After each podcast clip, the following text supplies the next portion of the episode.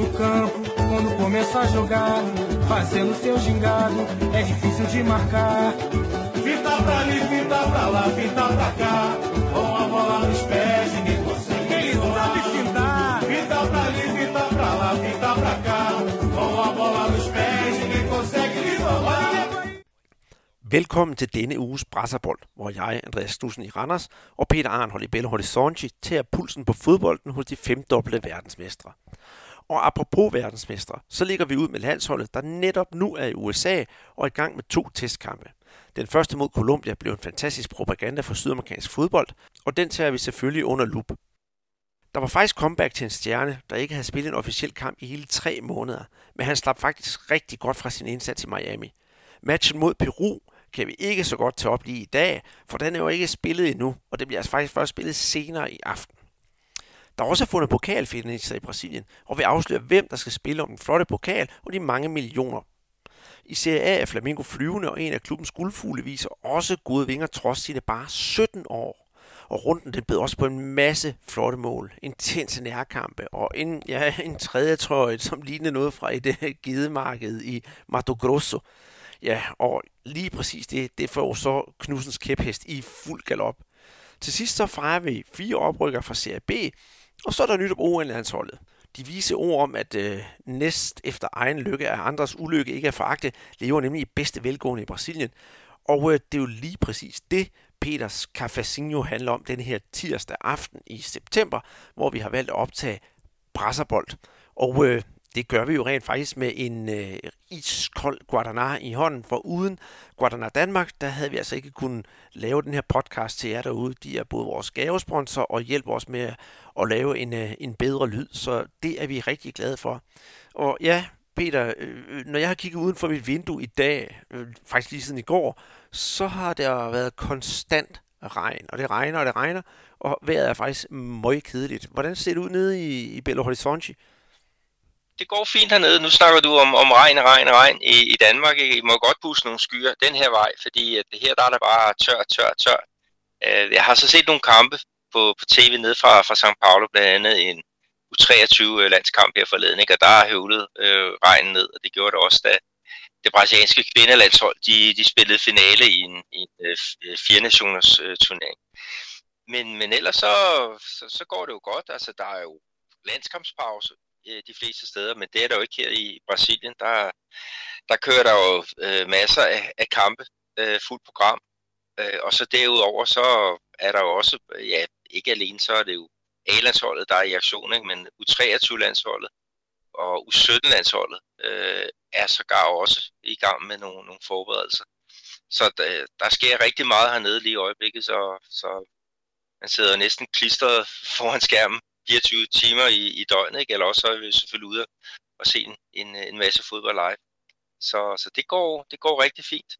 Og du fik også skrevet noget, Andreas, øh, i forbindelse med, øh, med vores øh, hjemmeside og den kæphest, som, som øh, vi, skal, vi skal også igennem her senere hen. Ja, det, det gør vi, fordi det er jo ikke nogen hemmelighed, at øh, Corinthians de har fået en, en ny tredje trøje, og øh, da de fik deres tredje trøje sidste år, der kan vi jo ikke komme ud over os, at øh, der var vi jo utrolig glade, Peter, og, og, og vi måtte jo ud og få fat i eksemplar til, til os hver. Jeg har sågar to, tror jeg nok. En, jeg bruger, og en, der bare skal ligge hengemt. Øh, men så kommer der altså en ny tredje trøje her, og den, den fik mig altså lidt ud af, lidt op i, i, i blækhuset, fordi øh, Øh, det var fra at gå fra den ene yderlighed til, til den anden, hvad æstetik angår. Men øh, historik, der har vi altså også en helt anden historie, og det glæder jeg mig enormt meget til at, til at snakke om i min kæphest. Og så, ja, hvad jeg ellers har lavet, jamen jeg går og, og, og pynser lidt på en tur til, til det midtjyske, hvor vi jo har to brasilianere gående, der har jeg haft et snak frem og tilbage med, med FC Midtjyllands øh, presseafdeling, og få en snak med Brumado og, og, og Evander. Så det håber jeg, det flasker sig i løbet af den her uge, øh, for at få aftalt en tid at sætte kryds i kalender, for det er nogle travle herrer derovre. Så ja, ja, jeg passer også den brasilianske fodbold, men også lidt herhjemme på, på, på eget plan, kan man sige. Ja, det vil være et rigtig godt catch med, med de der to, øh, to ulve, brasilianske ulve på heden. Så øh, krydser fingre for, for alt lykkes. Jamen, det, det gør jeg bestemt også selv. Men øh, når det så er sagt, så, så skal vi jo over og, og til, til en, en, en liga, der måske er en lille smule højere op end, øh, end, end det danske Superliga, alt forladt. Men, øh, men vi skal jo snakke om det brasilianske landshold, for der var kamp mod, som sagt, mod Colombia, i, uh, i, i Miami, og inden vi sådan snakker helt vildt om kampen, så kan vi hurtigt sige, at den ender 2-2 uafgjort, og det var med en halvleg til hver, en til, til Colombia, en til Brasilien, og så var der, kan man sige, næsten bøjet i næren over den her fodboldkamp, fordi uh, der var comeback til Neymar for eksempel, og så var det jo en, en, en, en reklamekampagne uden lige, både fra Colombias side og fra Brasiliens side. Det var underholdning på første klasse, vi fik at se. Øh, det var virkelig, virkelig glædeligt. Øh, sad du også helt op i skyerne og så kampen, Peter, og sagde, at det her, det var, det var bare underholdning på, på første parket? Ja, det var en, en, øh, en, en kamp, som man en sen aften i hvert fald sagtens skulle holde sig vågen til. Ikke? Og det er jo nogle gange problemet med de her testkampe, at, at der sker simpelthen for lidt. Men, men her, der var der jo fuld fart på lige fra, lige fra første øh, minut. Øh, som du fortalte, så var Neymar, han var tilbage, altså uden nogen som helst kamprytme. Øh, han har jo bare trænet øh, løs øh, her det sidste stykke tid, øh, har været sådan udenfor i Paris Saint-Germain, og, øh, og ikke været brugt i, i nogle af, af deres kampe. Men, øh, men her der var, var Titi, han, han, han har om nogen stået bag ved ham øh, hele tiden under de her, ja, den ene krise efter den anden. Mm, og han var selvfølgelig indkaldt til den her samling, og han startede selvfølgelig også øh, på, på banen. Ikke som anfører, det bælte sidder på Dani Alves. Øh, men øh, Andreas uden kamprytme alligevel et mål, et assist og så snydt for et øh, kæmpe øh, straffespark. Det er da et okay comeback. Det sætter jeg i hvert fald også flueben ved. Og, og øh, du ved jo, jeg plejer at have, du har altid Neymar ja-hatten på, og jeg har Neymar nej-hatten på. Og øh, jeg kommer altså til at tabe den her nej-hat. For jeg synes faktisk, at han gjorde det rigtig, rigtig godt. Og, og, og når jeg sådan skulle, skulle sidde og analysere lidt i kamp for kamp for mig selv, så tænker jeg også på, ej, for en gang skyld har Chichi, øh, øh, han har lavet mange gode valg i sin tid, tidens løb, det skal, ikke, øh, øh, skal der ikke være tvivl om. Men her, der gjorde han faktisk det rigtige valg ved at tage en Neymar uden super meget øh, kamperfaring lige i PT, og så sætte ham på holdet og sige, hvad, du får lov til at være med, du er en del af fællesskabet, og øh, selvom han måske godt kunne øh, finpudse sit spil, så, så, så trådte han op. Han lavede lige det der step op og sagde, hvad, hvad jeg griber chancen og, og, og gør det så godt jeg kan. Og rigtig, rigtig godt. Og rigtig godt set af Tietje. Og jeg tror også, at, at, at ud over at bare spille den her venskabskamp, så har Tietje måske også øh, begyndt at lægge låg på netop den debat, der har været med en meget voldtægtssag, og alle de der ballader, vi er væk fra klubben og sådan noget. Så nu skal vi altså koncentrere os om fodbolden, og det gør vi altså på landsholdet uden at, at, at du skal sidde ved siden af i skam af det ene eller andet. Det synes jeg, det var, det var rigtig, rigtig flot, især af, af den disponering, TJ havde lavet. Ja, jeg, jeg er helt enig. Altså, jeg vil så sige, at det første halvleg, der hvor Colombia var, var dominerende, ikke, der, var han, der var han en skygge af sig selv. Ikke? Men han lægger altså det der hjørnespark, som gør, at, øh, at Casemiro han kan øh, bringe brasserne foran øh, 1-0. Ikke? Øh, det var så, jeg tror, det var efter 19 minutter. Men, men så, mm, så, så var der jo hul den, den anden vej. Altså Alexandro, øh, som jo har fået chancen der som, øh, som venstreback, han øh, begår et tåbeligt øh, straffespark. Øh, tror jeg, er midt i, i første halvleg, som, som øh, Muriel han omsætter øh, til, til scoring, ikke? Og, og tro det eller lade være, altså Colombia har bolden i, i nettet kort tid efter, men der bliver målet annulleret for offside. Øhm, Colombia får så alligevel bragt sig foran 2-1. Øh, der bliver brasserne fanget i en, en omstilling ikke? igen, hvor Alexandro han ser lidt, lidt tung ud ikke? igen Muriel, som, som banker den i, i kassen. Og så går man sådan til pausen og siger, ah, hvad, hvad, hvad skal det nu komme? Altså, hvad kommer Titi ud med til, til anden halvleg? Vil han ændre på formationen, eller, eller hvad? Øh, det gjorde han ikke. Øh, han havde tillid til, at, at de her øh, 11 starter, de nok skulle finde rytme. Og det gjorde de også. Øhm, ret hurtigt, så får de udlignet.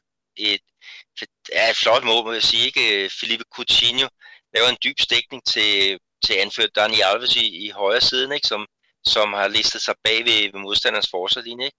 Og, og, og Dani Alves, han, han first timer den øhm, på tværs til, til Neymar, som bare dukker op som, som trold af en æske, ikke? Og, og putter den putter den ind ved, med, med sin inderside ikke, fra, øh, fra kanten af det lille øh, målfelt. Så, så det var jo det var jo rigtig fint, ikke? og så ellers så var der jo drama på. Øh, altså intensitet. Øh, jeg vil så sige, at, at Colombia de havde nogle flere udskiftninger, de eksperimenterede mere, de havde hverken Jaime Rodriguez med, de havde heller ikke Falcao med. Øh, og, og der havde Titi selvfølgelig nogen, han ikke kunne have med på grund af karantæner. Gabriel Jesus, Arlison var, var skadet.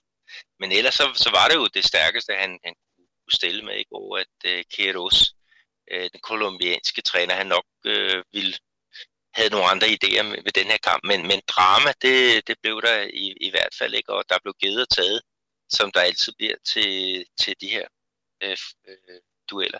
Men Chichi, Andreas, han, han, øh, han havde jo sådan en, en lille idé med sådan en, ja, hvad skal vi kalde det, en taktisk øh, formation, ikke, som, som vi har set i, i, i Liverpool, ikke, hvor Firmino, han ikke spiller den der, den der, skal vi sige, øh, klassiske øh, nier.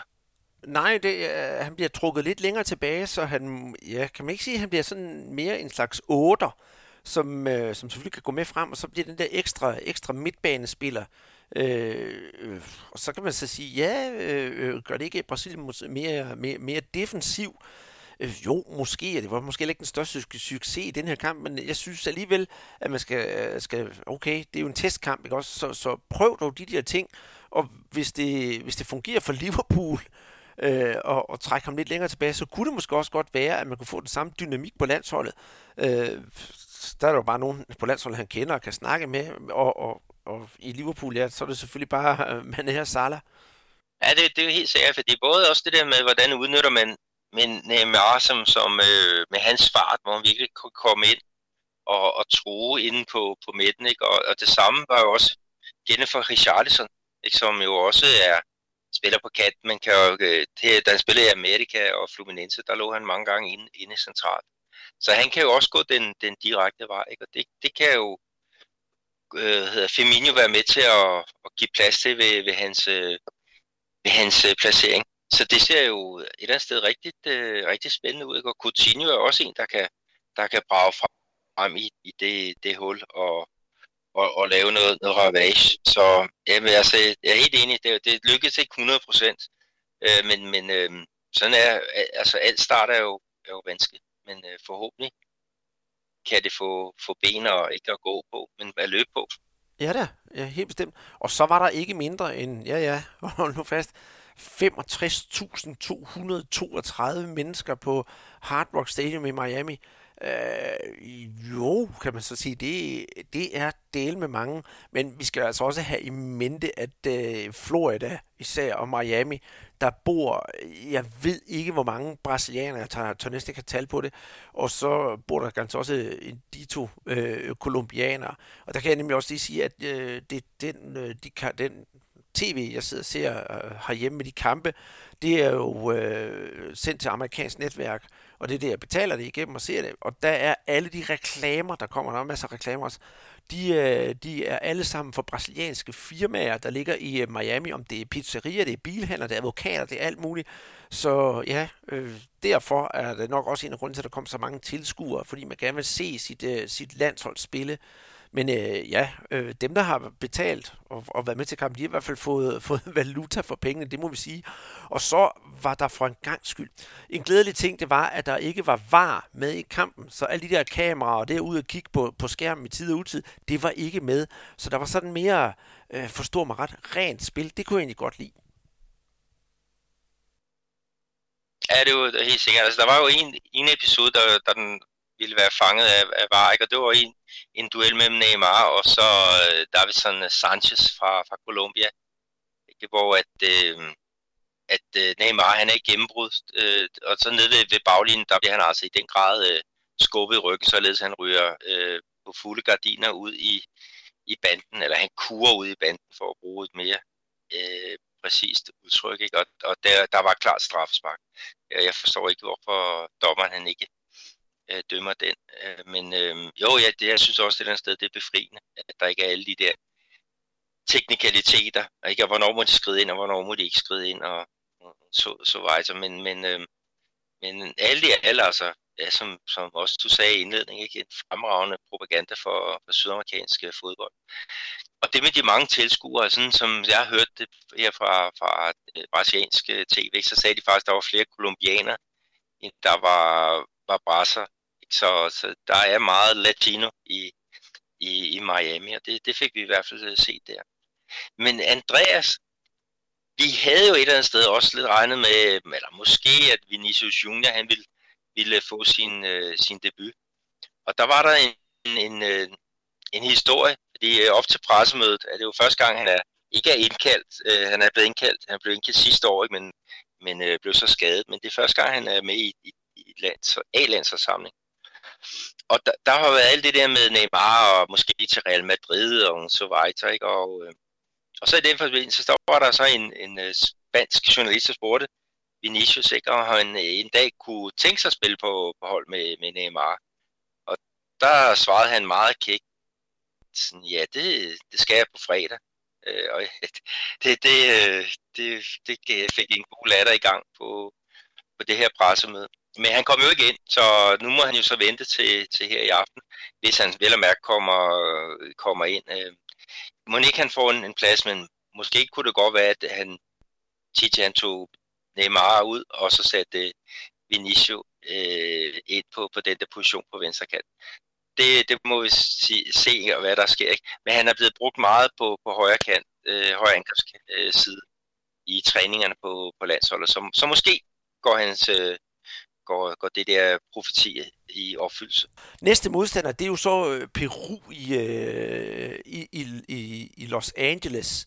Øh, og ja, skal vi ikke tæ- tro næste, næsten, at det bliver, det bliver øh, som sagt same, same, i hvert fald i, i, i grundopstillingen. Altså Ederson, Fagner, Marquinhos, Eder Militão, Alexandro, og så på midten der Casemiro, Alain, Coutinho, David, øh, David Neres, Firmino og Neymar.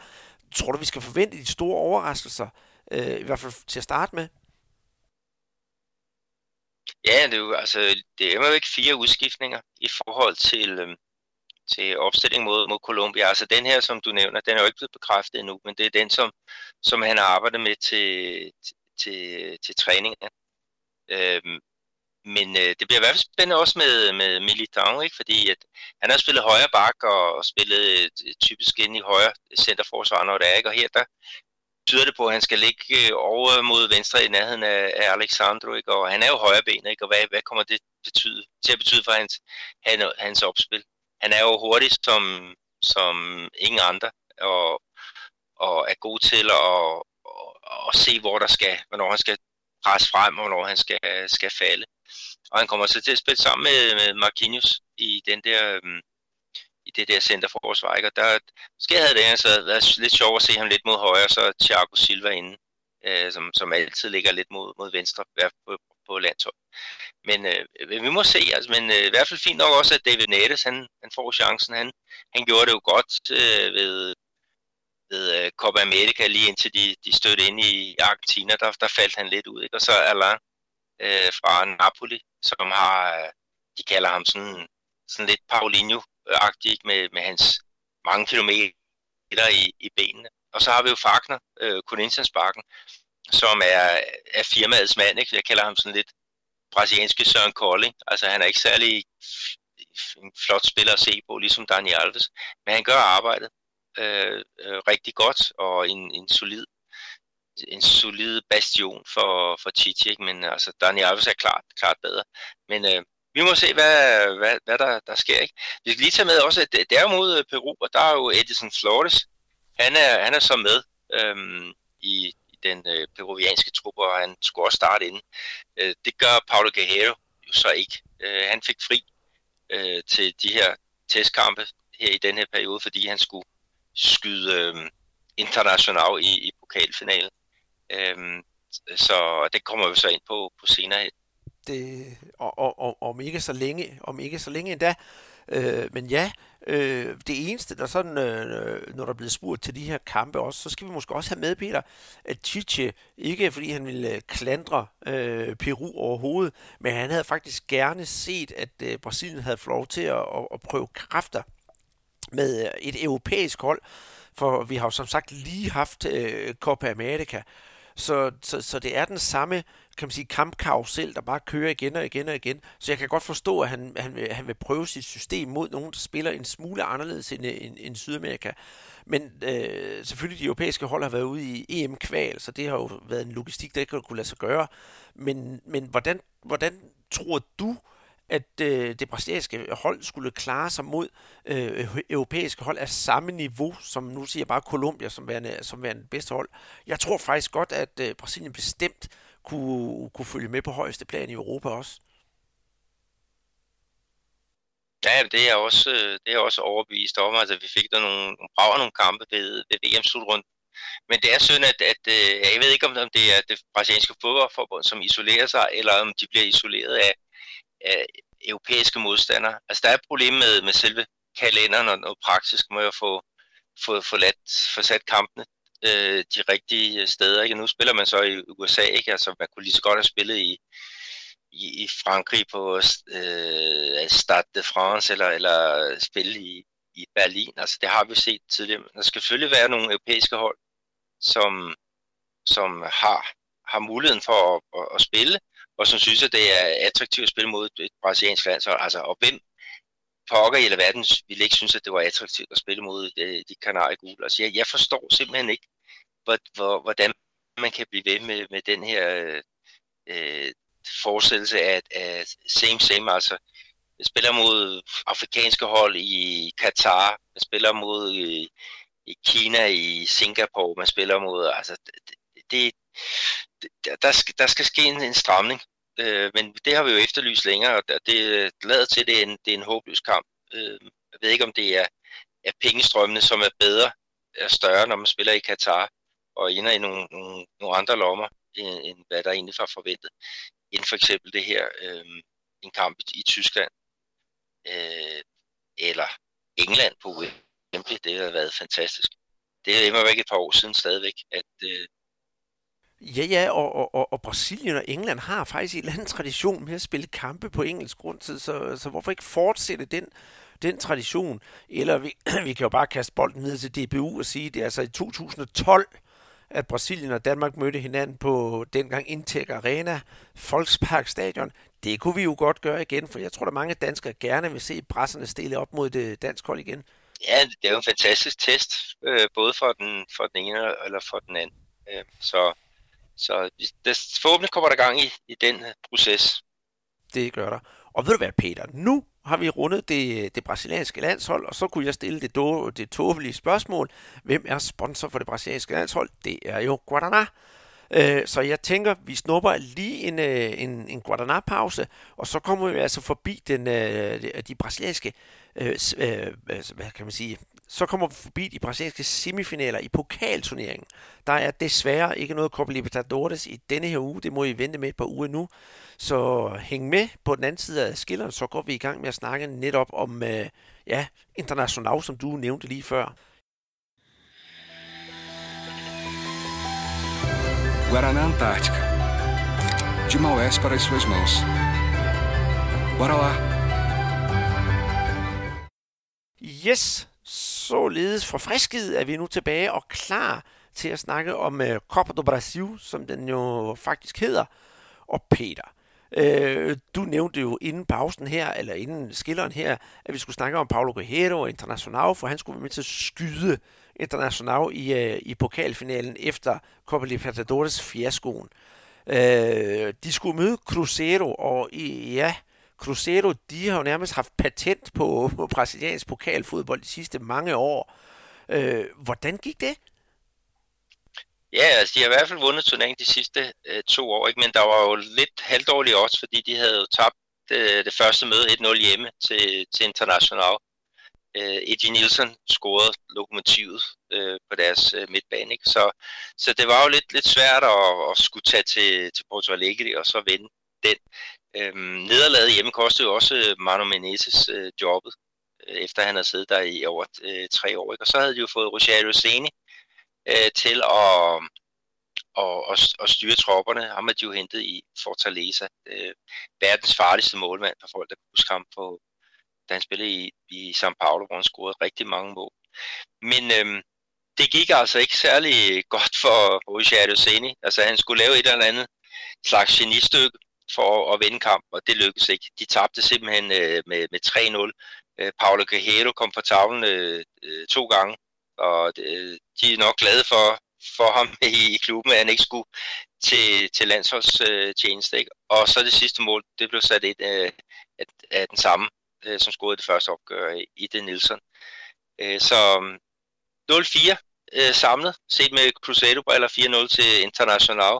Øh, der var ikke så meget tvivl om, om, om den, ikke? og, og øh, Cruzeiro øh, er i, i kæmpe krise, og, og bagefter kampen, så er der altså ud, spillere, der udtaler sig, hvad jeg vil kalde illoyalt over for, for deres nye træner, øh, Seni. Det kan godt være, at han er justeret på nogle, nogle pladser, øh, men, øh, men derfor så skal man, går man ikke ud med medierne også og siger, at, at øh, man skulle have, have valgt en mere traditionel øh, opstilling. Øhm, så, så der er lagt i kakkeloven der, og øh, for International, der er der jo lagt en fantastisk øh, finale øh, på køl, ikke? Og, og vi havde en af sted regnet med, at de, de skulle spille mod, øh, mod Grammy, men øh, blev det så dem, der, der kom i finalen, Andreas? Det, øh, det kan man sige, det var lige videre næsten. Det øh, var jo en straffesparkskonkurrence, der afholdt dem fra at, at, at være med i det. Øh, lidt sjovt, så Gremio på den første kamp på hjemmebane, den havde de jo vundet 2-0. Og øh, ja, øh, Gremio har måske ikke gjort det godt i ligaen, men her, der var nogen, der endelig noget at spille for, så siger man, nu kender vi Gremio, de er tilbage på sporet, og alt skal nok gå, og, og Renato Bortalupi, han skal nok få talt det og holde op, især med ja, Everton Cebolinha, som vi, ham kommer i hvert fald til at nævne senere i den her podcast, det kan jeg godt love jer. Øh, øh, øh, øh, men så kommer de til, øh, til Atlet, øh, skal spille mod Atletico Paranaense, og øh, Atletico Paranaense efter 17 minutter bangen i kamp 1-0, og så, ja, anden halvleg var knap nok begyndt, før Huben bang 2-0. Og så blev det altså lige pludselig rigtig, rigtig spændende. Glem jo for en udvisning, og det hele det kommer op og koge. Og til sidst, ja, så ender det jo altså også 2-0. Så 2-0 på udebane og 2-0 på hjemmebane, altså forskellige resultater. Så skal vi have straffesparkskonkurrence. Og det går sådan set nogenlunde ind til det aller sidste straffespark af de fem. Det er Pepe, der skal skyde det for Gremio, og han brænder, og dermed så kan uh, Atletico Paranaense kalde sig for finalist i det kommende, hvad hedder det, Copa do Brasil. Og det synes jeg egentlig er ret spændende, for jeg havde nemlig også forventet, at den her, det skulle være Gremio mod International, og så skulle vi have Grenau, og ja, du ved, hvordan hele situationen nemlig er kogt op, og vi kunne glæde os til en, til en stor kamp. Det kan vi stadigvæk, bestemt, men øh, det er altså med International og Atletico Paranaense i stedet for. Ja, det bliver jo også en, to, to fantastiske kampe. Atletico Paranaense, de, de ligger jo ude hjemme. Og øh, der er så stor interesse allerede for, for, for international side, så der er udsolgt til øh, udbaneafsnittet. Det tog 30 minutter at få, få de øh, billetter sendt, øh, sendt over disken. Men, men nu øh, snakker vi lidt om, om øh, Eberson Cebolinha, fordi at han havde jo, han var ikke med landsholdet i øh, USA, Øh, og det var på grund af, af den her pokal-semifinale. Øh, og så finder man så ud af, at han er faktisk karantæneramt. Altså, jeg, jeg fatter ikke, hvorfor han ikke var med, øh, med landsholdet i, øh, til den her kamp i, i Miami, fordi et, øh, et øh, kan uanset hvad, hvordan man vender og drejer det, øh, de kan ikke spille. Så hvorfor pokker brugte han ikke sit krudt øh, i den kanariegule trøje? Øh, jeg, jeg fatter det simpelthen ikke. Nej, men, men Peter, er det ikke bare et billede på, hvordan Brasilien i fodbold er en, en, en, en gang imellem. Vi snakker altid om, der er ro i regnskaberne i klubberne osv. osv. Selvfølgelig er der nok noget hos Gremio her, men det her er det jo CBF, der burde kigge igennem og se, okay, vi har den her spiller, en af de mest profilerede spillere i den brasilianske liga, så alles øjne er jo rettet på ham, mod ham på en eller anden måde. Så, det er jo, så, så vil jeg altså give CBF skylden for det her og sige, at altså, de har simpelthen snorksovet i timen og ikke har fået et, sådan et S med til, til Miami mod Colombia. Men altså, ja, de kan måske være glade nede hos Gremio. Selvfølgelig var han ikke med i den her kamp, men så tryllede han jo selvfølgelig i, øh, i ligaen derefter. Ja, det, øh, det er i hvert fald, øh, det er, det er i hvert fald rigtigt nok. Men Andreas, finalerne, vi, vi skal jo ikke vente ret lang tid. Det er jo faktisk den 11. september kl. 21.30 lokaltid, der lægger vi ud på Arena de Bachata i Curitiba. Atletico har så hjemmebane der. Og så er der returkamp ugen efter på Beira Rio i Porto Alegre. Og øh, det er så igen kl. 21.30 øh, brassetid, det svarer til kl. 02.30 øh, dansk tid. Så hvis man, hvis man øh, ikke kan sove øh, natten til, øh, til torsdag, så ved man godt, hvad man kan, kan lave i stedet for. Hvor med alting er, så kan vi jo glæde os til de her finaler, som, øh, som vi går i møde. Der er måske nogen af jer, der, der allerede har resultaterne fra finalerne, når I hører den her, den her podcast. Men øh, nu er det altså tid til endnu en lille slurk af den dejlige læskende drik Guaraná for vi skal lige have en pause, inden vi skal til at snakke om CAA. Og der er altså sket noget på samtlige fronter, kan man sige. Der har været flotte mål, der er nogle sager ude for banen, inden for banen, sågar nogle fans, der smider popcorn efter spillerne. Så hæng med derude her efter den her lille pause.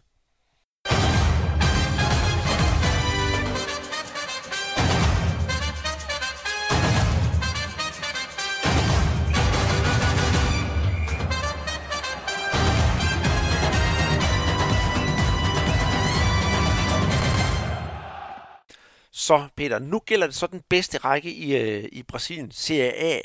Og jeg tænker egentlig, ja, skal vi ikke bare starte fra toppen, og så, så se, se, hvor vi når hen, hvis du forstår, hvad jeg mener.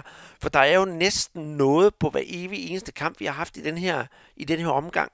Øh, så ja, hvad siger du til det? Jo, men lad os, lad os gøre det, ikke? Og, og vi, i indledningen så snakker vi om det der med, at Flamengo, de er, er flyvende. Altså, de havde jo så på papiret en, en udkamp øh, mod Avaí, altså bundholdet i, i øh, den her række. Men, men var det så en, en reel øh, udkamp, Andreas? Nej, det kan vi vist roligt sige, det ikke var, for den var øh, henlagt til Stadio Manegahincha Garrincha i, øh, i Brasilia, og der har Flamengo spillet før, så man kan faktisk, jeg synes godt, man kan tillade sig at kalde det for Flamingos anden hjemmebane, fordi hver gang de spiller der, så er det lige ved, de sætter tilskuerrekord, og øh, Flamengo er faktisk den klub i Brasilien, som har flest fans øh, sådan ude omkring de forskellige steder. Nummer to, det, det er Corinthians. Øh, så lige meget hvor Flamengo spiller hen på en neutral udebane, hvis vi skal kalde det sådan, så er man sikker på, at der er faninvasion i, i, i rød og sort, og det var der altså også den her gang. Så, så, så man kan godt sige, at det måske skævvrider lidt for nogle af de andre hold af Flamengo på en udebane mod Avaí, øh, nærmest spiller på hjemmebane. For ja, 47.000 tilskuere, og øh, Avaí, de har nok ikke haft ret mange fans øh, til stede der. Og de, da jeg sad og så kampen, så så jeg næsten også kun øh, røde, sorte tilskuere, der, der hæppede på Flamingo.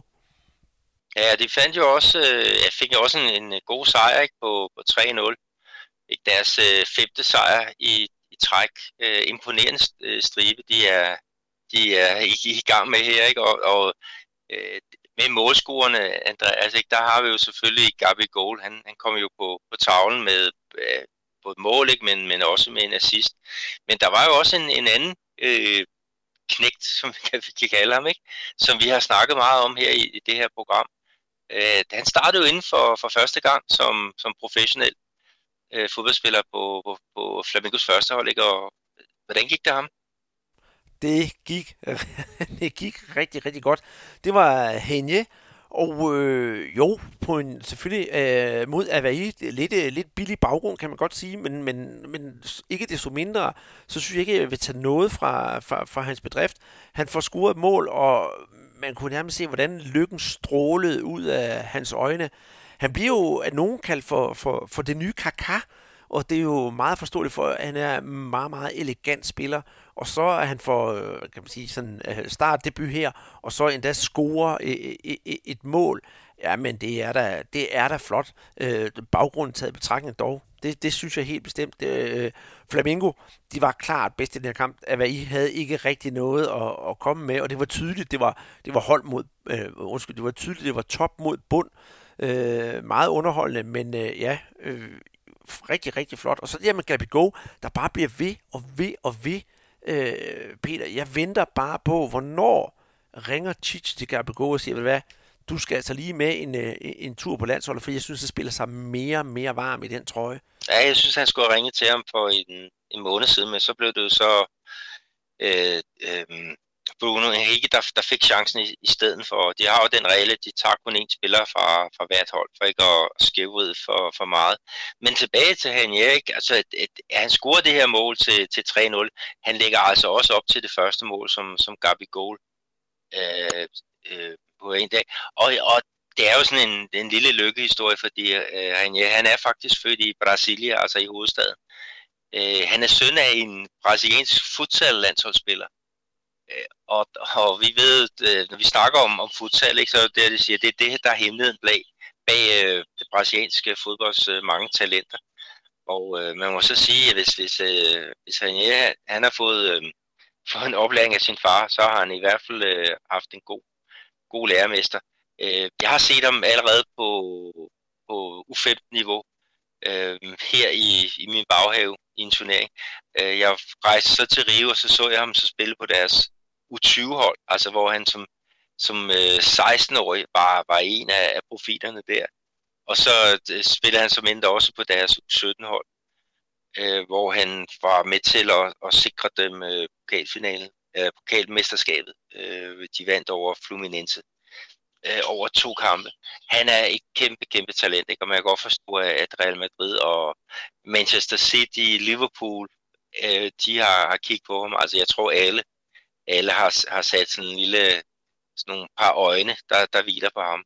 Det er godt nok spændende, det som, som, som han har gang i. Og så må jeg så håbe, at han finder en god klub på et tidspunkt. Det kan godt være, at det ikke skal være, når han fylder 18 år her til januar. Det kan godt være, at det skal være senere hen, han får et par år her i, i Brasilien, og så kan, kan komme afsted. Men hvis vi kender Brasilien ret, så tror du ikke, han bliver skudt afsted øh, i det næste transfervindue. Og det, det er desværre næsten sikker på. Der er meget, meget god fremtid i den der, den der unge herre. Og når du snakker Gabi Golik, han har jo gjort det så fremragende for, for Flamengo. Og Flamengo har jo øh, har noget luft i, i, i tegnbogen øh, de har råd til at spendere. Så øh, der er faktisk øh, efter sine forhandlinger mellem øh, Flamengo og hans italienske klub Inter om at få ham øh, købt fri, således han kan fortsætte sin karriere i, i, øh, i din favoritklub. Men Inter, de vil jo de vil gerne sælge, øh, men de vil gerne have nogle spillere i, i den anden vej, øh, ud over en masse penge. Ikke? Og der snakker de meget om, om Gerson, som kom til Flamengo her i år og har gjort det fremragende på, på midtbanen. Han har brugt nogle forskellige positioner øh, ude i højre side. Han har spillet inden mere centralt.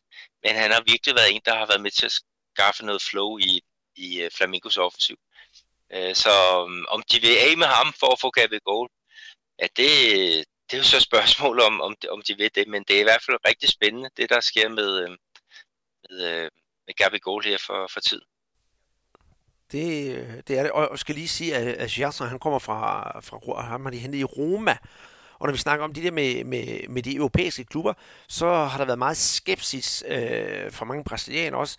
Også lidt har jeg hørt på væggen herhjemme, sige, hvorfor har Flamingo hentet en spiller som øh, Pablo Mari, som er rent, tror jeg, teknisk, er, er på kontrakt hos Manchester, eller har været på kontrakt hos Manchester City, men har været udlejet til for eksempel øh, sidst spillet for La Coruña, og Breda, Girona og sågar Mallorca.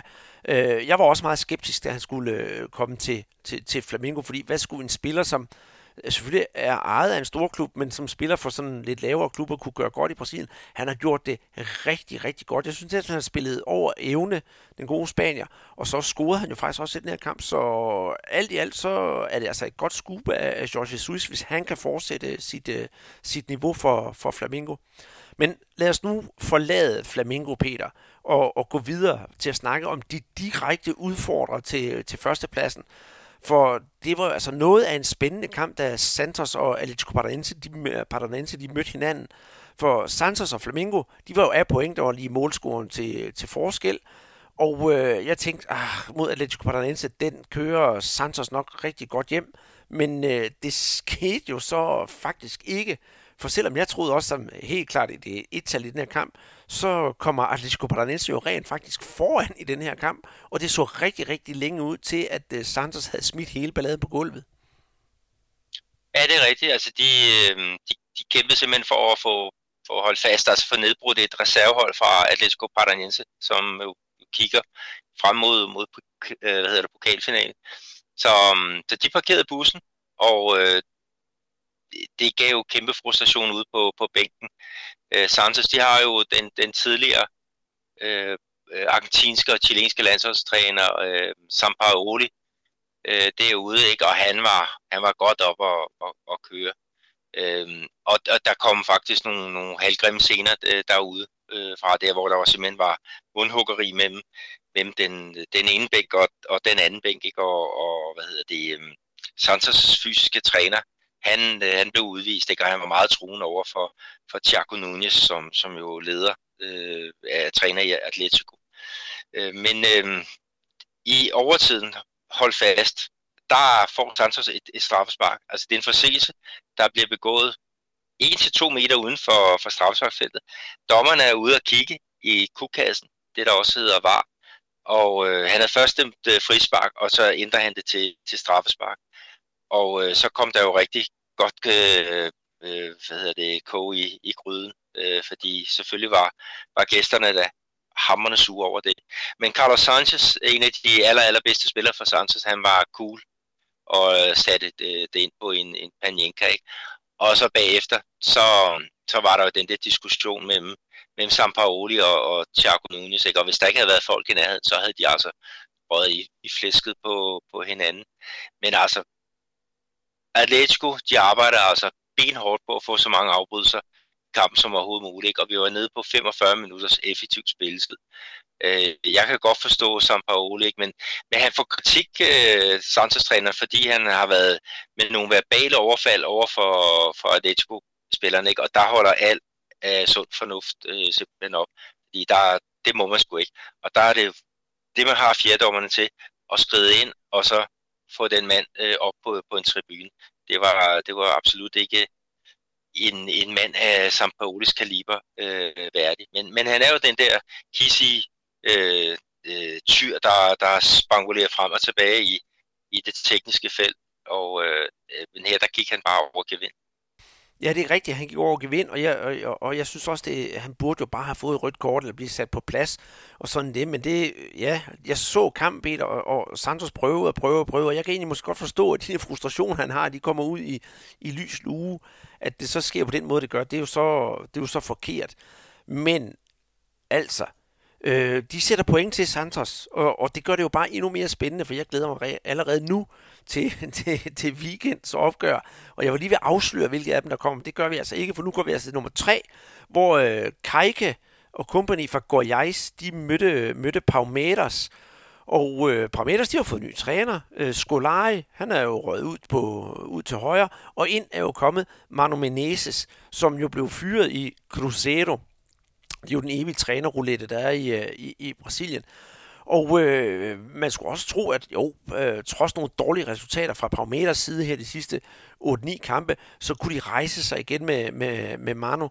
Men altså, de kommer, de kommer faktisk bagud mod Goiás på et øh, drømmehug af Harfa Weiss fra, fra 25 meters afstand. Og så var det altså ryggen mod muren for, for, for Palmeiras.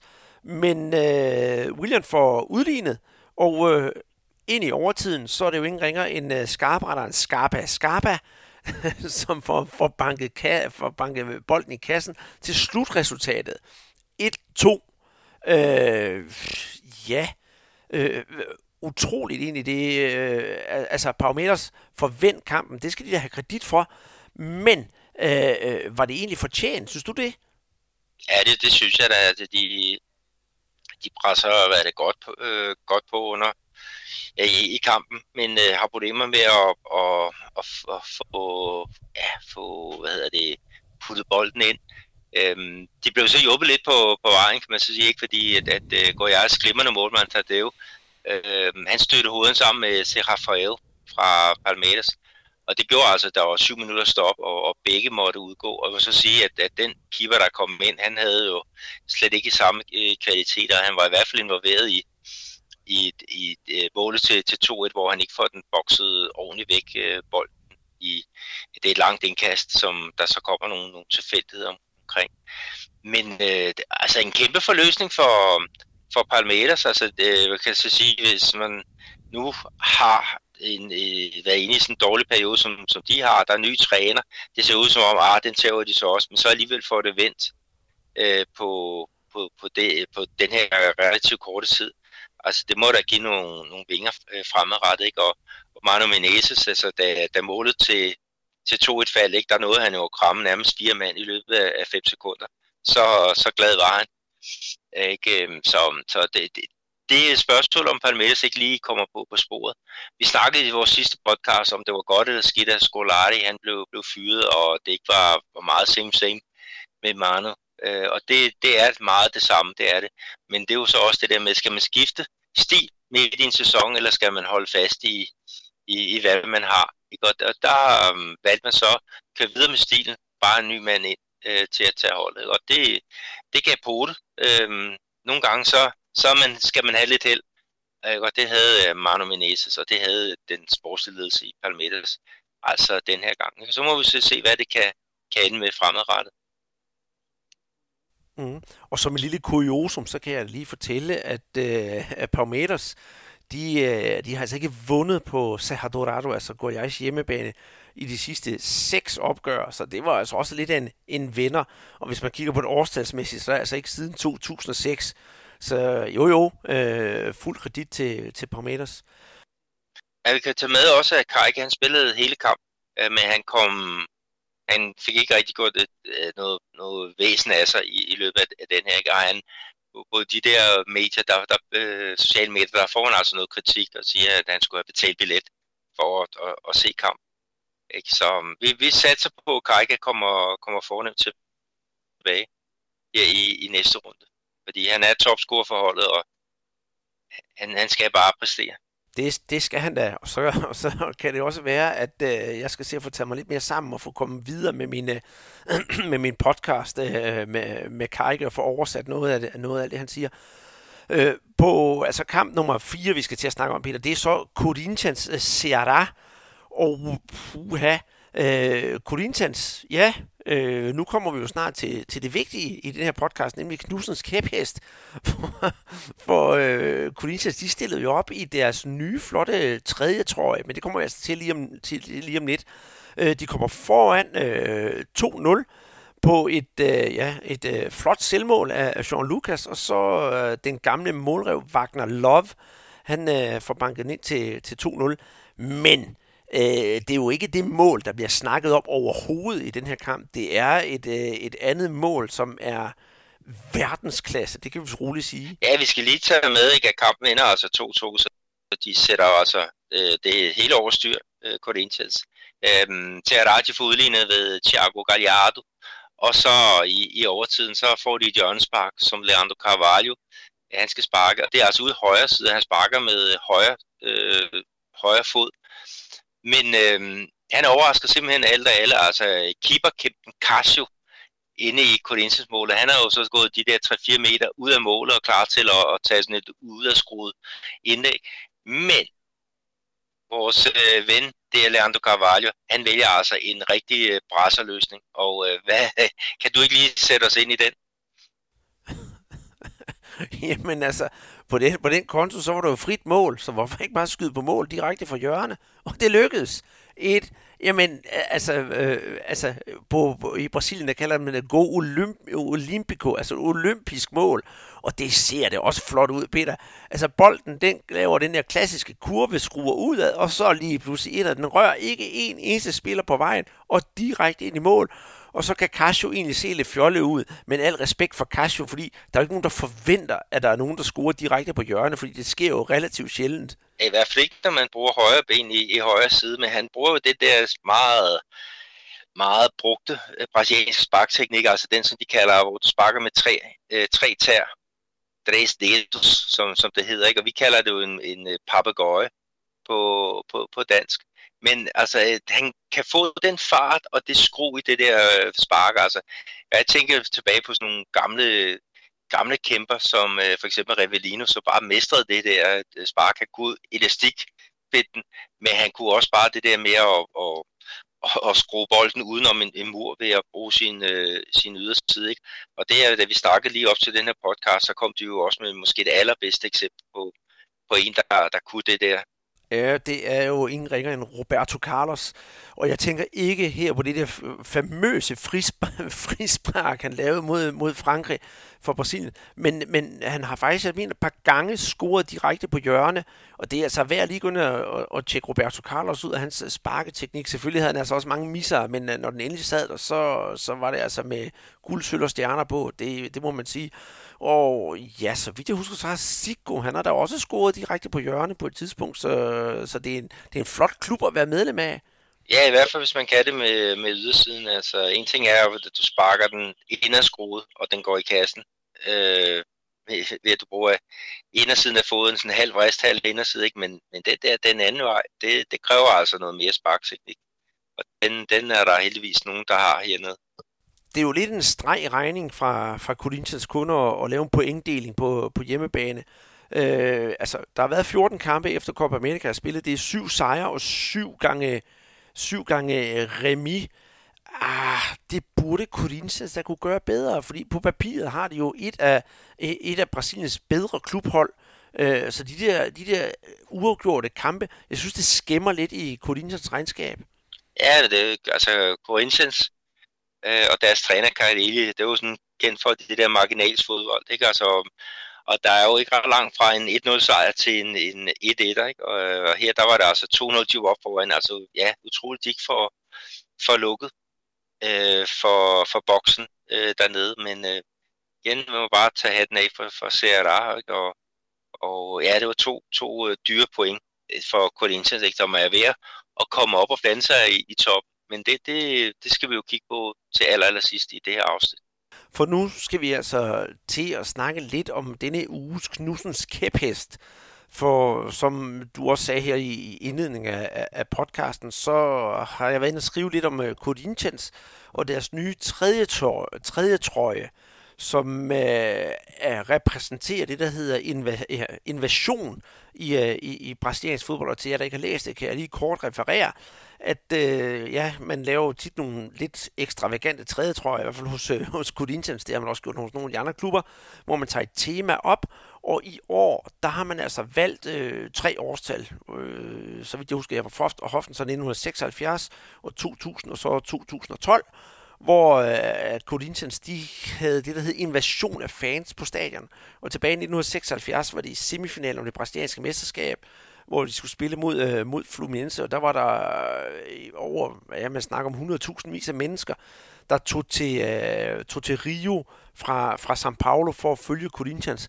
Og, og i det hele taget de her historier, der er med, hvordan Corinthians de følger deres hold, de er mere ekstravagante, end, øh, end man kunne forestille sig. Og nogen er faktisk klar til at gå fra hus og hjem for at, at se en fodboldkamp med, med Corinthians. Så det skete jo næsten, da de øh, spillede mod Chelsea ved, øh, i øh, VM-finalen for klubhold i Tokyo, hvor folk solgte deres biler, de solgte køleskabe, fjernsyn, alt for at få den der billet for at komme, øh, komme til Japan.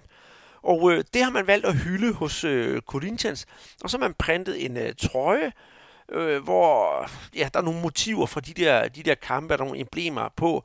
Men når man sådan ser trøjen sådan umiddelbart, så synes jeg, det ligner en gang øh, sort-hvid batiktryk fra 70'erne. Der er nogen, der har bundet knude på en sort fodboldtrøje, kommet ned i noget hvid farve, eller omvendt, og, og hævet den op igen, og så har vi altså set, hvor vi, vi er nået henne. Øh, sidste år, der havde Corinthians valgt at lave en hyldest til Ayrton Senna. Simpel sort trøje med guldstriber på. En guldstribe for hver af Sennas pole positions. Meget, meget simpelt, meget, meget enkelt og ultra flot.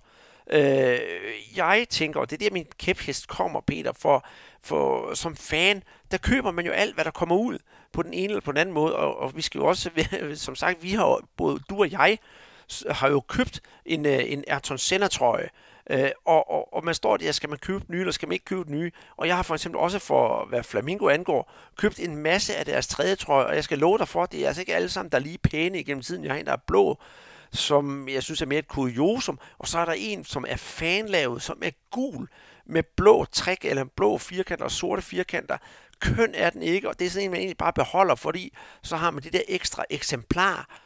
Og det er der, det kommer, og jeg tænker på, at jeg øh, synes mange gange, som er det mest for at malke konen så meget som overhovedet muligt, og få solgt så mange trøjer, som man overhovedet kan. Og folk er jo dumme nok til at købe dem, jeg er selv inklusiv, så er den i hvert fald lagt på plads. Og nogle gange, så synes jeg bare, at de der tredje trøjer, man skulle måske vælge en mere neutral trøje, og så udgive måske en eller anden specialtrøje en gang imellem, så det bliver brugt, i stedet for bare at sige, at vi udgiver en tredje trøje hver evig eneste år, og så sørger vi for, at det bliver samleobjekt, og så bliver der kun spillet med den i to kampe. Vi husker måske også Brasilien tilbage i 2014. Der udkom de med en armigrøn tredje trøje, altså landsholdet. Den har jeg også. så der, der kan du se, det har også været dumt nok til at købe den. Men de brugte den jo aldrig.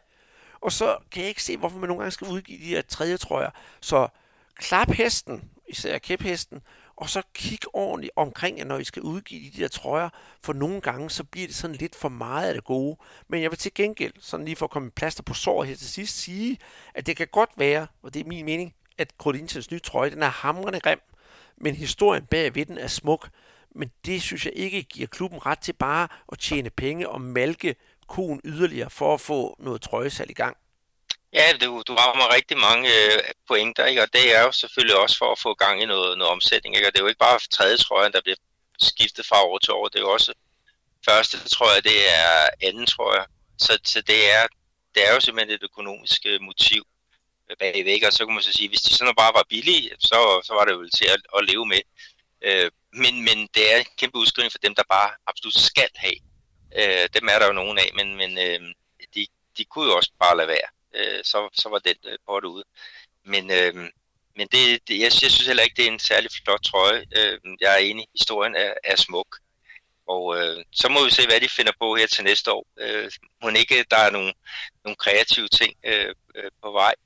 Peter, nu har jeg fået øh, afløb for min, for min aggression med hensyn til, til trøjer, og så er det måske også sådan, fordi man nogle gange sådan går lidt selv til, ej, hvorfor købte jeg nu også den? Og så er jeg, og ved du hvad, jeg, selvom de er grimme nogle af trøjerne, så skal jeg være ærlig sige, at jeg også er, er, faktisk er, er glad for dem. Vi skal også lige tage med, Andreas, at, at at øh, sådan nogle trøjer der, de er jo ikke populære hos, øh, hos, hos koner, øh, fordi de fylder, og uh, så, så, så tit bliver de jo heller ikke brugt. Så, så der er måske også en, et lille plads-issue jeg kender mange mænd, som er blevet nødt til at, at, at sælge ud af deres trøjer, simpelthen fordi, at konen har kigget lidt for bebrejdende for længe. Så, så må man jo så må man jo luge lidt ud. Jo. Ja, vi skal også kigge på de, på de øvrige kampe, Peter. Og der var der i hvert fald målbonanza, da Cruzeiro og Gremio mødte hinanden. Den endte jo med øh, resultatet 1-4 til, til, Gremio, øh, til Gremio. Og det er jo faktisk Cruzeiros andet tredje øh, tremålsnederlag i, i, i træk øh, ja, hvad skal vi sige, øh, en, en, en, en opvisning af, af en, øh, en Everton Cebolinha, som virkelig øh, ja, øh, stemplede ind i den her kamp. Ja, det må jeg sige, at han scorer to mål og lægger op til, til, til et enkelt mål. Altså det første mål, det var et lækkerbisken, hvor et, et øh, øh, Diego Tardelli, han, han øh, ja, på et indlæg, så vipper han faktisk ind med, med helt øh, rigtig, rigtig flot mål uden, en chance for, for Fabio. Ikke? Og så, så får vi jo så et at set uh, Cebolinha først i oplæggerens rolle. Det var Arlesson, der, der puttede den der. Øh, uh, Cusado får så reduceret uh, på straffespark, som der vel egentlig ikke var der. Det var så farlige Freds. Og så var der ellers uh, Cebolinha uh, show uh, til, til sidst.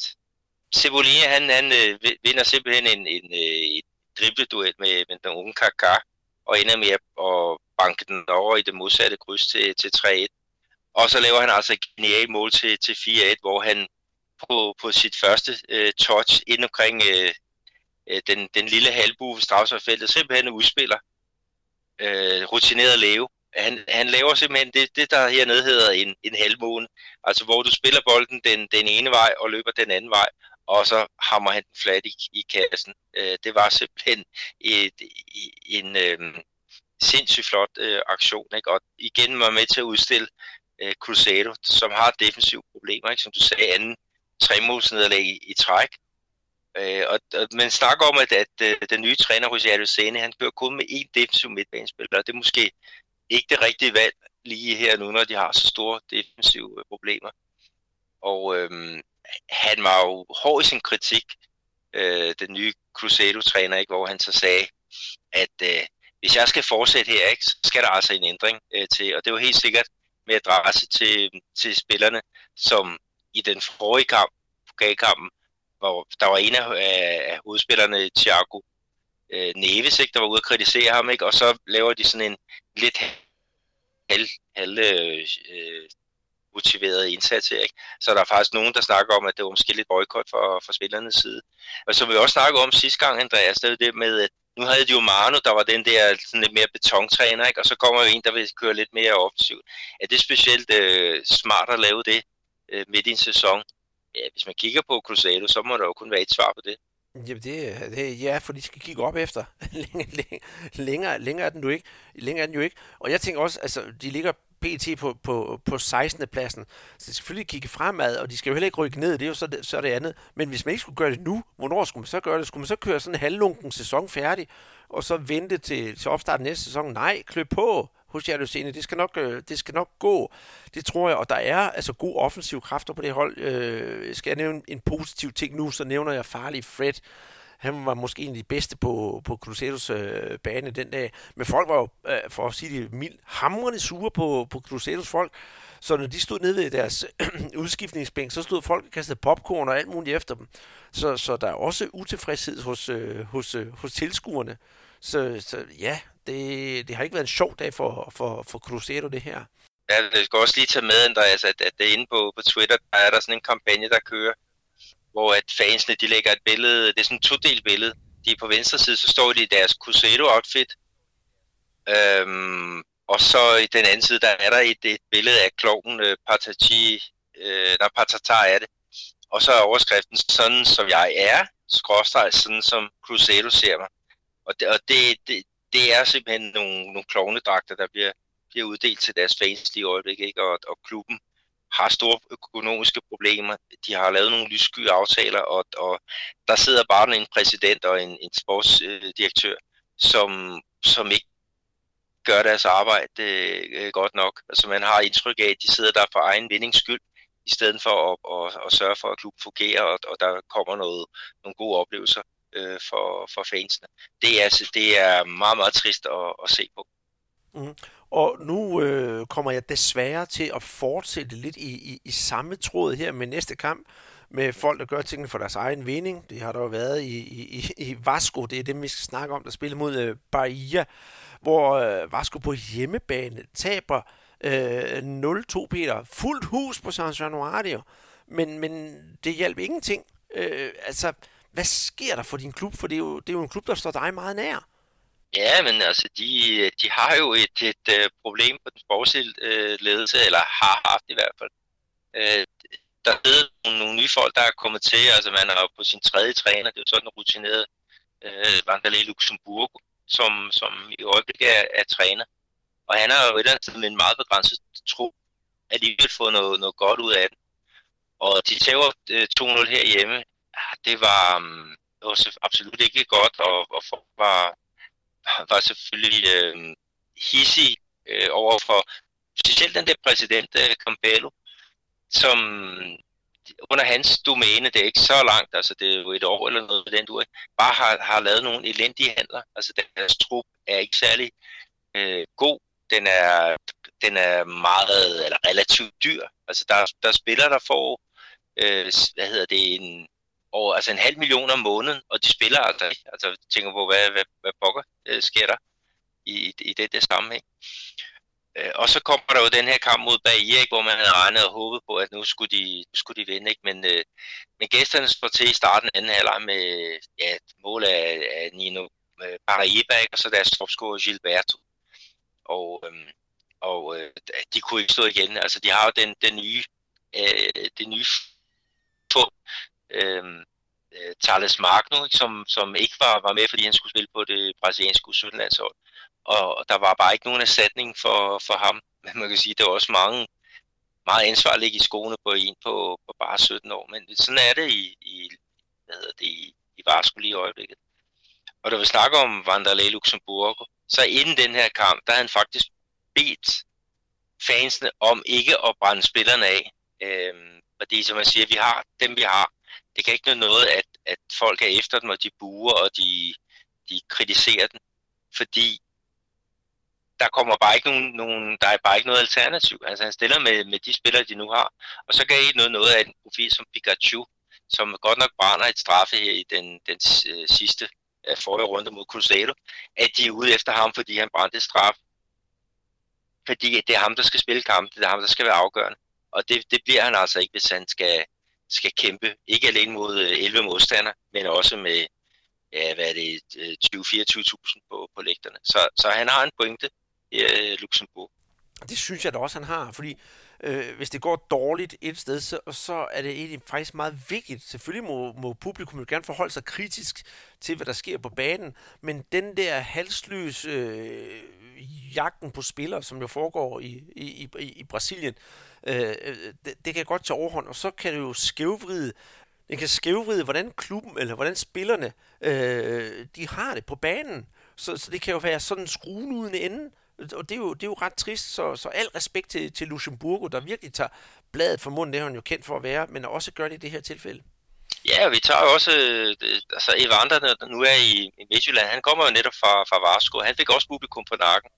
Altså han var jo en, en ung, talentfuld, øh, meget talentfuld spiller, ikke? Som, som måske manglede nogle, nogle ting, men, men øh, det nyttede bare ikke for, det var ikke godt for ham, at han fik, øh, han, han blev kaldt for et, en, øh, en uh, pereba, altså en, en spiller, som, som hverken er teknisk uh, dygtig, øh, eller uh, kan noget med en bold. Altså, det ramte ham til synligheden på hans uh, forfængelighed, og det gjorde, at han bare ville væk fra, fra Vasco, fordi det kunne han simpelthen ikke, det kunne han ikke acceptere, uh, de der urimelige uh, anklager. Og vi, vi så, vi snakkede også sidste gang ikke med, med Palmeiras, ikke, som også øh, har været igennem en, en dårlig periode, hvor spillerne øh, Bruno Enrique han blev antastet på, på gaden af en, som kaldte ham Pico, Pico Quiera, altså en, en øh, popcornsælger, ikke?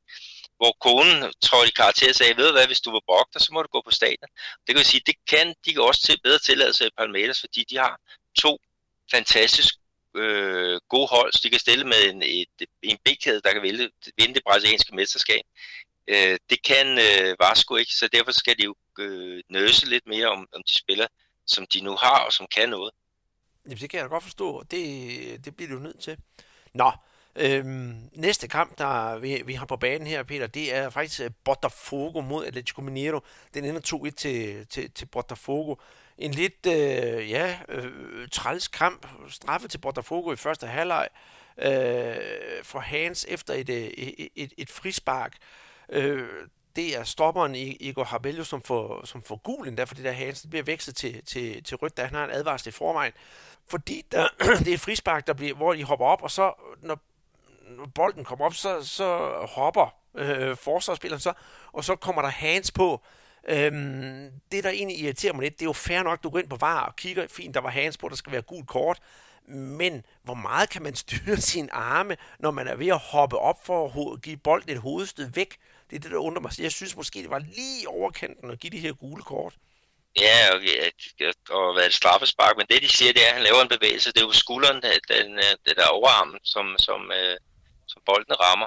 Og, og sådan som, som reglerne er nu, sådan, øhm, og, og de er meget rigide, ikke, så skal det give et, et gult kort og et, et straffespark. Ikke? Men, men igen, ikke, det er sådan en, en, en ting, ikke? hvis der ikke havde været det der øhm, øh, kamera på, så var den aldrig nogensinde blevet, blevet, blevet opdaget eller øh, blevet, blevet dømt for, for, for det sags skyld. Så igen, altså det, jeg ved ikke, hvor meget man får ud af det der var. Det kan godt være, at det er sådan millimetermæssigt øh, korrekt. Altså det samme som en offside, der bliver dømt, fordi den er en, en halv centimeter, angriberen er en halv centimeter på den anden side, men det er bare noget, som øjet ikke kan, kan, kan fange. Ikke? Så mm, ja, altså når, når man har det, så skal man selvfølgelig bruge det i det her tilfælde. Og øh, det gjorde man så, og det kostede øh, Atletico Mineiro rigtig dyrt. Øh, Diego Sosa, han scorer på, på det straffespark, ikke? Og så på kontra i anden halvleg, der er det Alex Santana, der, der bringer den foran 2-1, og så Di Santo, den indskiftede angriber, han reducerer sig i overtiden, ikke? Men, øh, men øh, altså, en rigtig, øh, det ved jeg sgu ikke, hvad man kan sige, var ødelagde den der kamp, øh, men men øh, sådan lidt, lidt gjorde det, det vil jeg godt øh, skyde der. Men, men fansen, Andreas, fordi det er jo også en ting, der er et problem i mange klubber, det er jo det der med, øh, med spillerne, der ikke får, får løn, øh, funktionærer i klub, der ikke får, får løn. Og øh, der var der i hvert fald opbakning til, øh, ja, til, øh, til dem, der, der, der skulle hive deres månedsløn hos, hos Botafogo, ikke? fordi de har problemer med at betale øh, lønninger. Hvad, øh, hvordan udmærkede det sig på, på, på tribunen. Det gjorde man ved at synge en, øh, en lille sang, der gik således. Un, dos, tres, estamos con vocês. O, o, o, pago salario. Altså 1, 2, 3, vi står bag jer. og så o, o, o, øh, betal lønnen. Og det øh, må man da ikke sige, det er jo ikke øh, en skjult hensynning, det er nærmest en vink med en vognstang og en stor lussing til, øh, til, til Botafogo's bestyrelse om, at de her Botafogos-spillere, de skal altså have, have mad på bordet. Og længere er den jo bare ikke. Det kan jo ikke være meningen, at Botafogos-spillere skal gå uden løn. Hvordan skal man så forvente, at de skulle øh, øh, kan præstere på banen? Det gjorde de jo så i, i, i det her tilfælde. Ja, det er jo ikke det eneste tilfælde. Øh, her, og træneren har et kæmpe arbejde med ikke alene at, at, at sætte et godt hold op og, og reducere, hvad hedder det, justere taktikken undervejs og sådan noget der. Ikke? Han skal jo også kigge spillerne i øjnene og så sige, jeg, skulle, jeg ved godt, du ikke har fået dine din, øh, lønninger, men du skal altså arbejde her øh, på fulde hammer de næste øh, to timer. Øh, det, det er der ikke nogen leder, der, der kan være bekendt at sætte deres, deres personale i sådan, et, øh, ja, i sådan en situation. Nej, det, det kan vi vist roligt sige. Og også, også desværre for Botafogo i hele sådan en situation, det kun 10.000 mennesker var, var på stadion. Men sådan, øh, sådan er det nogle gange. International, de mødte São Paulo, og der vinder øh, International på et mål 1-0 øh, har fået Sobis. Der har jeg altså ikke så meget at, at sige til det andet. Så fik vi det resultatet på plads. Men til gengæld så øh, var der jo sådan lidt øh, i kamp mellem Fortaleza og Fluminense, som Fluminense endelig, nu vandt de endelig en kamp, de vinder den 1-0. Og øh, det var jo øh, stortalende Jean Pedro, altså en årgang 2001-spiller, der stod til 5 minutter før, før tid. Øh, og han er jo faktisk på vej til Europa. Ja, han skal øh, til Watford her når, når han fylder 18 år. Det er så en handel, som kan løbe op i 10 millioner øh, euro, men, men det er, det er et, et, øh, et skarpt øh, talent, en, en hurtig løber, der, der typisk arbejder for, for kant, men kan også ligge, øh, ligge ind centralt. Øh, øh, ikke en specielt fysisk stærk øh, spiller, men, men hurtig og rigtig teknisk og næst for, for Og øh, lad os se om, om uh, Watford de kan lave en ny uh, Richarlison. Det, det kunne da være rigtig fedt. Jamen det har de da brug for. I hvert fald brug for, brug for nogle penge, fordi øh, ja, ligesom Botafogo og Vasco, så fattes Fluminense jo også, også penge. Kampen CSA mod øh, Chapecoense, CSA oprykkerne fra Marseille, de overraskede øh, ved at vinde 2-0 på hjemmebane over, over Chapecoense. Jeg havde forventet mere af, af, af Chapecoense, men alligevel tager hatten af for, for, for CSA. Alexandro og øh, Jonathan Gomes øh, øh, stod for målene, hvor det sidste det var i, øh, i overtiden. Men øh, der var lidt øh, danskerdom over det, netop øh, Ricardo Bueno, øh, alias Batman, han havde simpelthen en, en maske på efter næsebrud. Han stod jo for assist til, øh, til 2-0-målet. Men øh, det var jo ikke målchancer, de manglede i den her kamp, fordi øh, Alexandro, han brænder en straffe for, for hjemmeholdet, og øh, ja, øh, ja, topscorer Everardo, han, øh, fra, fra Chapecoense, han missede så chancen for at, at udligne også på et øh, straffespark, og det slutter faktisk med, at Chapecoense de spiller kun med ni mand på banen, fordi øh, Marcio Araujo og Gun, de bliver, bliver udvist. Ja, det var ikke så, så godt for, for Chapecoense, ikke, som, som ligesom øh, havde mulighed for, men, men sejr mod, mod øh, et af bundholdene ikke havde mulighed for at komme op i nærheden af, af nedrykningsstregen, men, men det, det skulle ikke det skulle ikke lykkes øh, den her gang. Ikke? Og, og vi har jo en masse sympati for Chapecoense ikke? efter den der fly, flytragedie, der, der skete her for, for, for et, øh, nogle år siden, hvor et, et helt hold nærmest blev, blev udslettet. Ikke? Og, men det kunne godt ligne et hold, som er på vej ned mod, mod Serie B, ikke? og det, det vil da være en, en, en trist skæbne, hvis, hvis det sker. Men stillingen, Andreas, vi er jo næsten halvvejs igennem øh, turneringen. Nu er der spillet øh, 18 ud af, af 38 øh, opgør. Ikke? Og vi har jo en, en top 6, som, som du i hvert fald må være glad for at kigge på. Det er jeg. Det kan du bestemt tro, fordi øh, herefter jeg er den kampe. Vi skal lige komme med den der parentes, jeg siger, Paumeters og, øh, hvad hedder det, øh, og Fluminense, de har altså en kamp i hånden. Den bliver spillet øh, her i morgen aften. Så er vi alle enige om, at der så er der spillet 18 runder, når den er, når den er spillet. Men på førstepladsen, der finder vi Flamingo med 39 point. På andenpladsen der finder vi Santos med 37 point. På tredjepladsen Paumeters med 33 point. På fjerdepladsen Corinthians med 32. Og så på 5. og 6. pladsen, der har vi henholdsvis São Paulo og Internacional med 31 og 30 point. Nede i bunden på 17. pladsen, der finder vi Fluminense på 18. pladsen, der finder vi CSA begge med 15 point. Så har vi på 19. pladsen Chapecoense med 14 point. Og fuldstændig øh, som agtalternativ finder vi Avai med kun én sejr i ligaen indtil videre. Så der er altså langt op igen for, for Stakkels Avai. Men øh, når det er så sagt, så er der jo et brag uden lige her i, øh, i weekenden. For du plejer altid at spørge, hvad jeg skal se, så inden du når at spørge nu, så siger jeg, at jeg skal selvfølgelig se Flamingo Santos. Det må simpelthen være rundens ubetingede vigtigste kamp. Det er nummer 1 mod nummer 2, og øh, ja, Santos skal bare frem på banen. De skal have point mod øh, Flamingo på Flamingos hjemmebane, så det bliver bestemt ikke, ikke nemt for Santos. Og det gør det sådan set ikke for Flamingo, fordi jeg tør ved med, at der ender nok med at blive udsolgt til den her kamp. Ja, det bliver, det bliver noget af en, en festforestilling på, på Maracanã. Men der er jo også andre gode kampe. Altså for eksempel Palmeiras, der ligger jo har en kamp øh, til, ja, i hånden faktisk. De skal jo spille mod Cruzeiro. Og det bliver jo også lidt spændende. Det er jo Manu, øh, der skal spille mod, mod hans, øh, som træner mod hans gamle hold fra, fra Cruzeiro. Den kunne også godt være lidt, lidt spændende at så se. Øh, Chapecoense mod Vasco, det er jo altså to hold, der, der kæmper ned i den tunge ende, ikke? og jeg krydser der fingre for mit hold kan, kan få, få tre point. Og, og ellers, øh, har du flere kampe, Andreas, eller er det Flamengo Santos, der stjæler det hele? Det, øh, det gør det, fordi jeg satser på, at den ender, ligesom den gjorde tilbage i 2011, med en 5-4 sejr til Flamengo. Og hvis den gør det, så skal jeg nok se den mere end én gang i løbet af weekenden. Nej, øh, spøj til side. Jeg kunne også bare for underholdningens skyld finde på at se øh, Bahia Fortaleza for det er to nordøstbrasilianske hold, der, der møder hinanden. Ikke så meget med spillestil eller sådan noget, men mere det, at øh, når de nordøstbrasilianske hold de møder hinanden, så kan de altså godt finde på at give den lidt ekstra. For der er altså også det der nordøstbrasilianske på spil, at hvis man ja, kan være sådan lidt bedre end, end de lokale modstandere, selvom der måske er 800 km mellem de to byer, så, så er det altså også en, en, en god skalp at tage. Så det er altså et rent nordøstbrasiliansk opgør, som jeg ser frem til. Så hvad er topscorer? Listen, Andreas, der er jo Gabi Goal, eller Gabriel Barbosa, 15 mål i 18 kampe, det er da imponerende. Og så er der et godt stykke ned til Gilberto fra Bahia, øh, som har lavet 9 mål.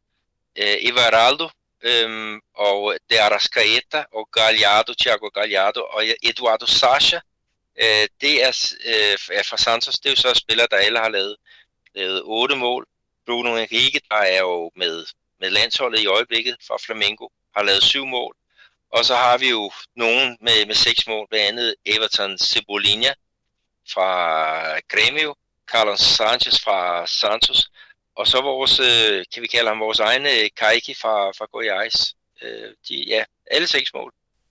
Ja, det er, det er rigtig, rigtig flot. Og Kaiki, ham holder vi selvfølgelig, selvfølgelig øje med, og håber, at han i hvert fald får banket nogle kasser ind i, i, i, den, i den kommende uge her. For ja, skal vi lige, øh, uh, går jeg skal møde Gremio på udebane. Det bliver en svær kamp, men øh, vi krydser der fingre for, for Kajke.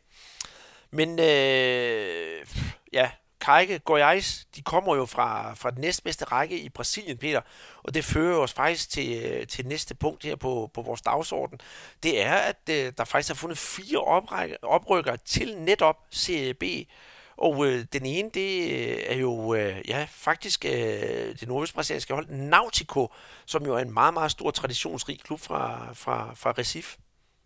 Ja, det er rigtigt. Altså, det, de spiller jo sådan et, øh, et puljespil, ikke? og der går de fire bedste fra, der er to grupper, de, de fire bedste fra A og B og så videre, og så krydser der over, så spiller man så øh, om, om de her oprykningspladser, ikke? Og, og der var Nautico, de skulle spille over for Paysandu, i, i ja, en, to kampe, øh, hvor vinderen øh, fik en, en plads i CB. Ikke? Og det blev faktisk øh, ja, netop Nautico.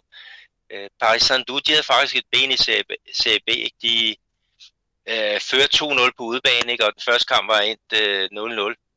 Øh, men Nautico får, får reduceret, og så får de altså et straffe øh, spark i overtiden. Ikke? Og kunne hjælpe mig, der var ikke straffe. Altså i de her kampe, der er der ikke var øh, på, øh, men øh, at, øh, jeg, jeg, jeg, jeg tror heller ikke engang efter var øh, gennemkig, at der var blevet dømt straffe, men det er en, en situation, hvor der er en, en bold, der bliver hættet ind på en spiller, der har ham tæt ind til, til kroppen.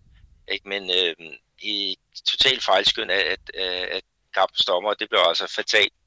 Øh, 2-2, så øh, skulle vi ud i straffesparkskonkurrence, og den vinder øh, Nautico så med, med øh, 5-3. Øh, kæmpe jubel øh, på, ja, i Recife, ikke? Og, hvor banen blev bare invaderet af, af fejrende øh, supporter.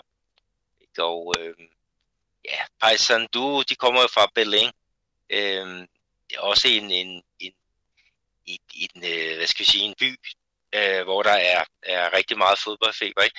Men altså Nautico, Recife, ikke? de har øh, rivalerne øh, Sport Recife og, og Santa Cruz, ikke? og der er næsten altid garanti for mange øh, tilskuere, når de øh, tre hold de, de krydser klinger. Og Santa Cruz, de må altså bare se, at deres ærkerivaler, de ligger i, i Serie B øh, næste år. Nautico, helt sikkert ikke, og Sport, de kan måske godt ryge op i Serie A. Så ej, det øh, er glædeligt, at der i hvert fald er gang i den der store fodboldby, øh, som, som Recife er. Det er det, du siger, det med de mange tilskuere. Det er en ren fornøjelse.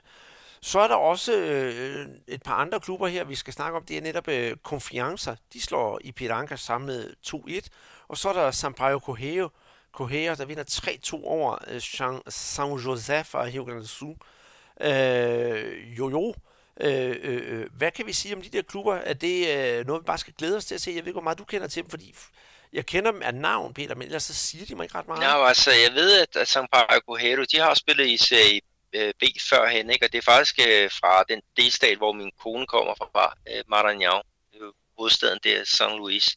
Så det bliver rigtig fedt at, at se dem øh, tilbage øh, i, i, øh, i den her række, ikke? Og, og, og jeg, jeg har jo set dem nogle gange live, og de har en, øh, en øh, medicinmand, eller hvad man skal kalde en massør, øh, og han har sådan en rigtig reggae-hue øh, på. Det er Bob Marley at, at se ham og, og São Luís, det blev også kaldt for, for reggaeens hovedstad her i, i Brasilien. Så lad os, lad os få nogle, nogle mundre marlitoner i, i Serie B næste år. Det, det kunne være fedt. Øh, det sidste hold, der rykkede rykket op i, i Serie B, det er så Juventudi. De vandt altså øh, hele 4-0 over Imperatriz. Ikke? Og det er jo Jan Rollins øh, gamle klub, øh, Juventudi. Ikke? Og ikke en stor klub, men de har blandt andet vundet pokalfinalen, og det var tilbage i 1999, hvor de vandt øh, efter en samlet finalsejr over Botafogo. Så, så et eller andet sted er også godt at, at se dem tilbage i, øh, i øh, det næstbedste række. Noget af det sidste, vi skal snakke om her, Peter, det er faktisk, øh, inden vi skal have din cafezinho selvfølgelig, det er det øh, brasilianske OL-landshold, for de har altså også øh, været ude at spille en enkelt kamp. Ja, de har faktisk spillet øh, to kampe. Øh, de har mm, de har spillet øh, mod Colombia, og så har de spillet mod, mod Chile, og det har givet to sejre, 2-0 øh, i den første kamp, og så Chile blev basket i går med, øh, med 3-1, ikke? og det er faktisk en meget talentfuld øh, hold, som de har. Øh, Pedrinho, en playmaker fra Corinthians, Paulinho, som nu er i Leverkusen, som aldrig har fået sit gennembrud der, Douglas Luiz fra Aston Villa, og så øh, Mateus Cunhas fra øh, RB Leipzig, ikke, som, øh, som virkelig har slået igennem her i de her kampe. Altså, han laver, han laver tre ud af, af fem mål. Det, det må jeg sige, det er da en, en topscore øh, værdig. Øh, som vi snakker om, det er jo, øh, de stiler jo mod at, at kvalificere sig til OL, ikke? og den vandt de jo i 2016, ikke? hvor de slog Tyskland øh, i, i OL-finalen efter, efter straffespark. Øh, om de kommer med den her gang, det, det, det er spørgsmålet. Det bliver sindssygt svært. I januar, der skal øh, 10 sydamerikanske lande øh, kæmpe om, om to pladser. Og det er altså Argentina, det er Uruguay, det er Colombia, det er Chile. Det bliver, det bliver ikke let. Men lad os se, hvem de, hvem de stiller med også, fordi det er jo ikke FIFA-dato, øh, hvor de her kampe skal spilles, de her OL-kvalkampe. Så det kan jo godt ende med, at det bare bliver et hold af af lokale spillere, ikke? Og, og der er der i hvert fald en del af dem, der var i spil her, i de her to kampe, som, som ikke kan deltage, øh, fordi de spiller på, på udlandske adresser. Jeg kan sige, at Vinicius Junior er jo også øh, en mulighed, øhm, men øhm, ja, der er flere andre, der, der, er, der er med i A-landsholdstruppen, øh, øh, men, men øh, lad, lad os se. Øh, det, det er jo noget, et puslespil. Men her til sidst, så synes jeg, at det er på tide, at du giver en øh, kop kaffe, så vi kan slutte af med øh, både, nu har vi både haft min kæphest, og så skal vi jo også til, til din cafecino helt til sidst. Og hvad har du at byde ind med? Ja, det er jo, altså, nu snakker vi også om det der med cafecino, der skal sukker i, ikke? Og, Og her i, i morges, der er der altid på, på Facebook, der er de der såkaldte minder, der dukker op. Og det er faktisk i dag, netop to år siden, at øh, fik uploadet en video fra en, en kamp mellem øh, Atletico Mineiro og, og øh, Palmeiras, hvor man øh, kunne virkelig se, at det der udtryk, at næst efter egen lykke er andres ulykke ikke er foragtet. Øhm, altså det, det, det, det så jeg simpelthen i, i fuld flor.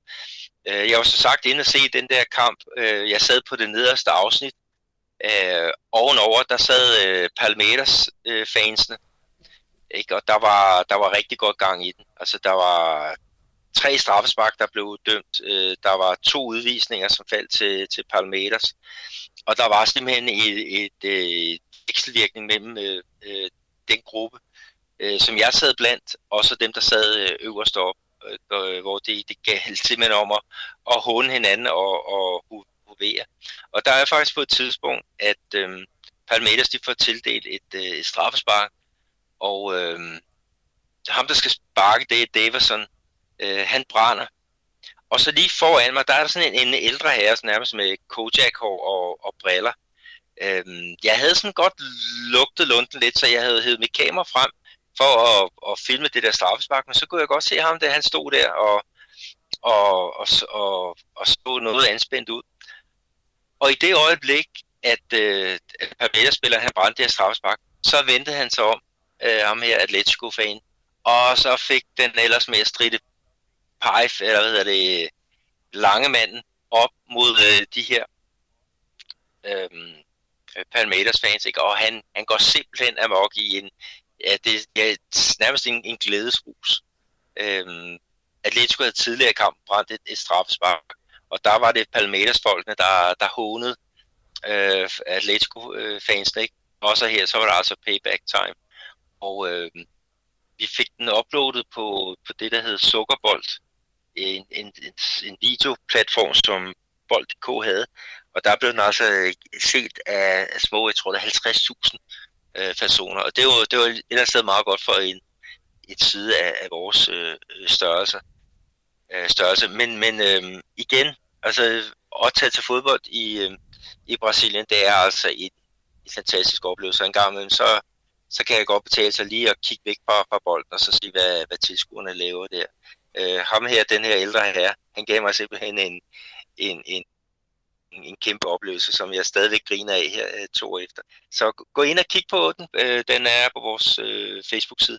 Den er selvfølgelig uploadet igen her i ja, årsdagens anledning. Og, og, og gå ind på Ja, og gå ind på, på, på, på, på bold.dk, i sukkerbold, så bare, der kan man søge efter det. Bare søge efter brasiliansk, så, så dukker den op. Og med den øh, gode historie, som jeg egentlig næsten havde glemt, Peter, så lukker vi podcast ned for, for denne her uge. Husk, du siger den, den sædvanlige smør jo, husk at følge med ind på de sociale medier, gerne Facebook og Twitter, og gå ind på øhm, iTunes og give os en, øh, en god anmeldelse derinde. Vi har stadigvæk det der, når vi når op på øh, 50 anmeldelser, siger, tror jeg det var, så smider vi en uh, Guadalajara-konkurrence ud, og der kommer faktisk også en konkurrence nok i næste uge.